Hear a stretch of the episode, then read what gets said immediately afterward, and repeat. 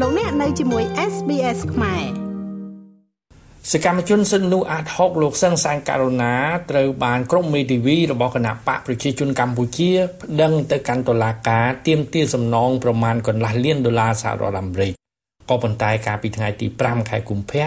លោកសឹងសានការូណាបានប្រកាសបដិសេធសម្រងសម្ដីរបស់លោកនៅក្នុងគេហទំព័រ The Cambodia Daily ដែលជាកម្មវត្ថុនៃការប្តឹងផ្តល់ទៅកាន់តុលាការនៅពេលនេះ នៅលើ Facebook ផ្ទាល់ខ្លួនលោកសឹងសានការូណាលើកឡើងថាបេសកកម្មសកម្មភាពនឹងការផ្ដល់បទសម្ភាសរបស់ខ្ញុំក្នុងគោលបំណងពង្រឹងការគោរពសិទ្ធិមនុស្សច្បាប់យុត្តិធម៌សង្គមនិងប្រជាធិបតេយ្យដោយមិនបំរើបកនយោបាយណាមួយនោះទេ ហើយក៏គ្មានចេតនាណាមួយវាយប្រហារបកនយោបាយណាមួយឡើយ សកម្មជនសិទ្ធិមនុស្សរូបនេះបន្តថារាល់ការសម្រង់សម្ដីរបស់ខ្ញុំទៅបន្ថែមបន្ថយបញ្ចេញបញ្ចូលវាយប្រហារចំចំលើឈ្មោះបកនយោបាយណាមួយនោះវាមិនមែនជាចេតនានិងគោលបំណងរបស់ខ្ញុំនោះទេដូច្នេះខ្ញុំមិនទទួលស្គាល់ឡើយ សូមអរគុណច្រើននៅទឹកចិត្តផ្ញើសារសួរសុខទុក្ខនិងព្រួយបារម្ភពីខាងគ្រួសារបងប្អូនមិត្តភ័ក្តិបងប្អូនខាងសារព័ត៌មានបងប្អូនខាងអង្គការសង្គមស៊ីវិលជាដៃគូជាតិអន្តរជាតិបងប្អូនមិត្តភ័ក្តិទូតបរទេសមួយចំនួន ចំពោះសវត្ថិភាពរបស់ខ្ញុំខ្ញុំបាទមិនអីនោះទេសូមរំលឹកថាការពីថ្ងៃទី5ខែកុម្ភៈឆ្នាំ2024 ក្រមមេធាវីតំណាងគណៈបកប្រជាជនកម្ពុជាបានដាក់ពាក្យបណ្ដឹងទៅកាន់តុលាការសាលាដំបងរាជធានីភ្នំពេញប្តឹងលោកសឹងសាន់ករណាអ្នកនាំពាក្យនិងជាអនុប្រធានសមាគមអាត់ហុកទាមទារសំណង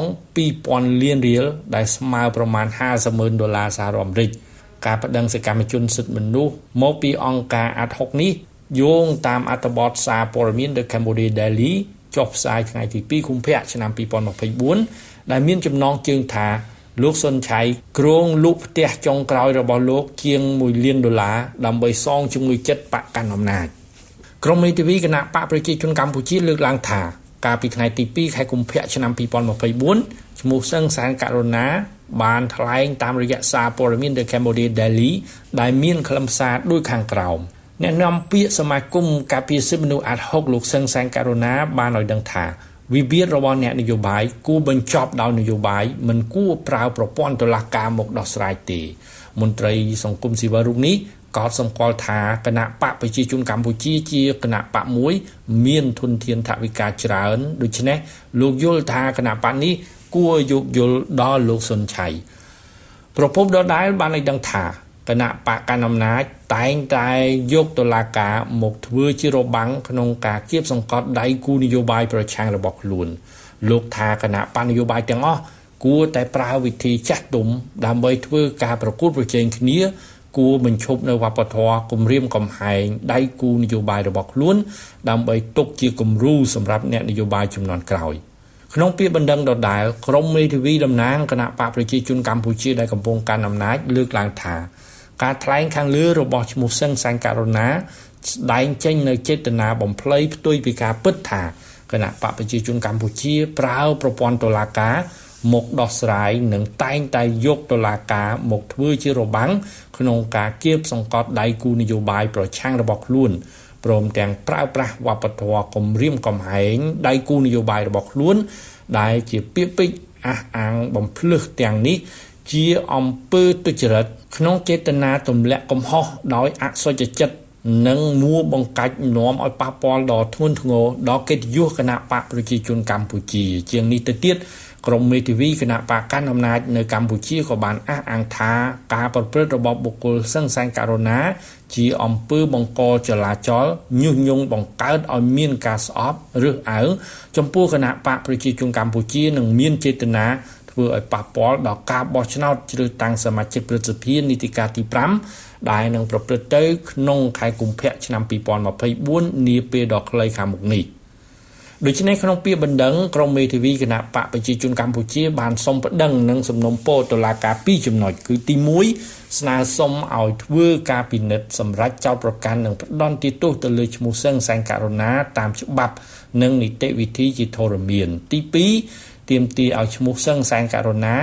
សងសំណងជំងឺចិត្តជូនគណៈបកប្រជាជនកម្ពុជាចំនួន2000លានរៀល សូមរំលឹកបន្ថែមថាសំណុំរឿងលោកសុនឆៃអនុប្រធានគណៈបកភ្លើងទៀនបានកើតឡើងនៅពេលបោះឆ្នោតក្រុមប្រឹក្សាគុំសង្កាត់នៅកម្ពុជាកាលពីខែមិថុនាឆ្នាំ2022កាលនោះក្រោយប្រកាសលទ្ធផលបោះឆ្នោតលោកសុនឆៃបានថ្លែងថាកោជបនិងគណៈបកប្រជាជនកម្ពុជាបានខົບខិតលួចបន្លំសញ្ញាឆ្នោតគណៈបកប្រជាជនកម្ពុជានិងកោជប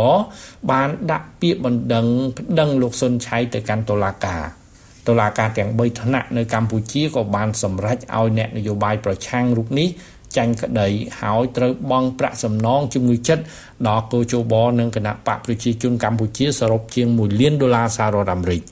អំឡុងពេលដំណើរការលើសំណុំរឿងក្តីនេះតុលាការក៏បានសម្រេចបង្កកទ្រព្យសម្បត្តិរបស់លោកសុនឆៃដែលមានដីនឹងផ្ទះពីរកន្លែងនៅភ្នំពេញនិងនៅខេត្តសៀមរាប កាលពីថ្ងៃទី31ខែមករាឆ្នាំ2024នេះលោកសុនឆៃបានប្រកាសលក់ផ្ទះចុងក្រោយរបស់លោកក្នុងតម្លៃជាង1លានដុល្លារដើម្បីសងជំងឺចិត្តគណៈបកកណ្ដាលអំណាចក្រោយការប្រកាសដូចនេះកាសែតបានយកទៅផ្សាយដែលនាំទៅដល់ការប្តឹងផ្តល់លើសកម្មជនសិទ្ធិមនុស្សដែលគ្រាន់តែបញ្ចេញមតិនៅក្នុងអត្ថបទកាសែតតែប៉ុណ្ណោះខ្ញុំបាទមេងផល្លា SBS ខ្មែររាយការណ៍ពីរាជធានីភ្នំពេញ ចង់ស្ដាប់រឿងក្រៅបែបនេះបន្ថែមទៀតទេ ស្ដាប់នៅលើ Apple Podcast Google Podcast Spotify ឬកម្មវិធីដទៃទៀតដែលលោកអ្នកមាន។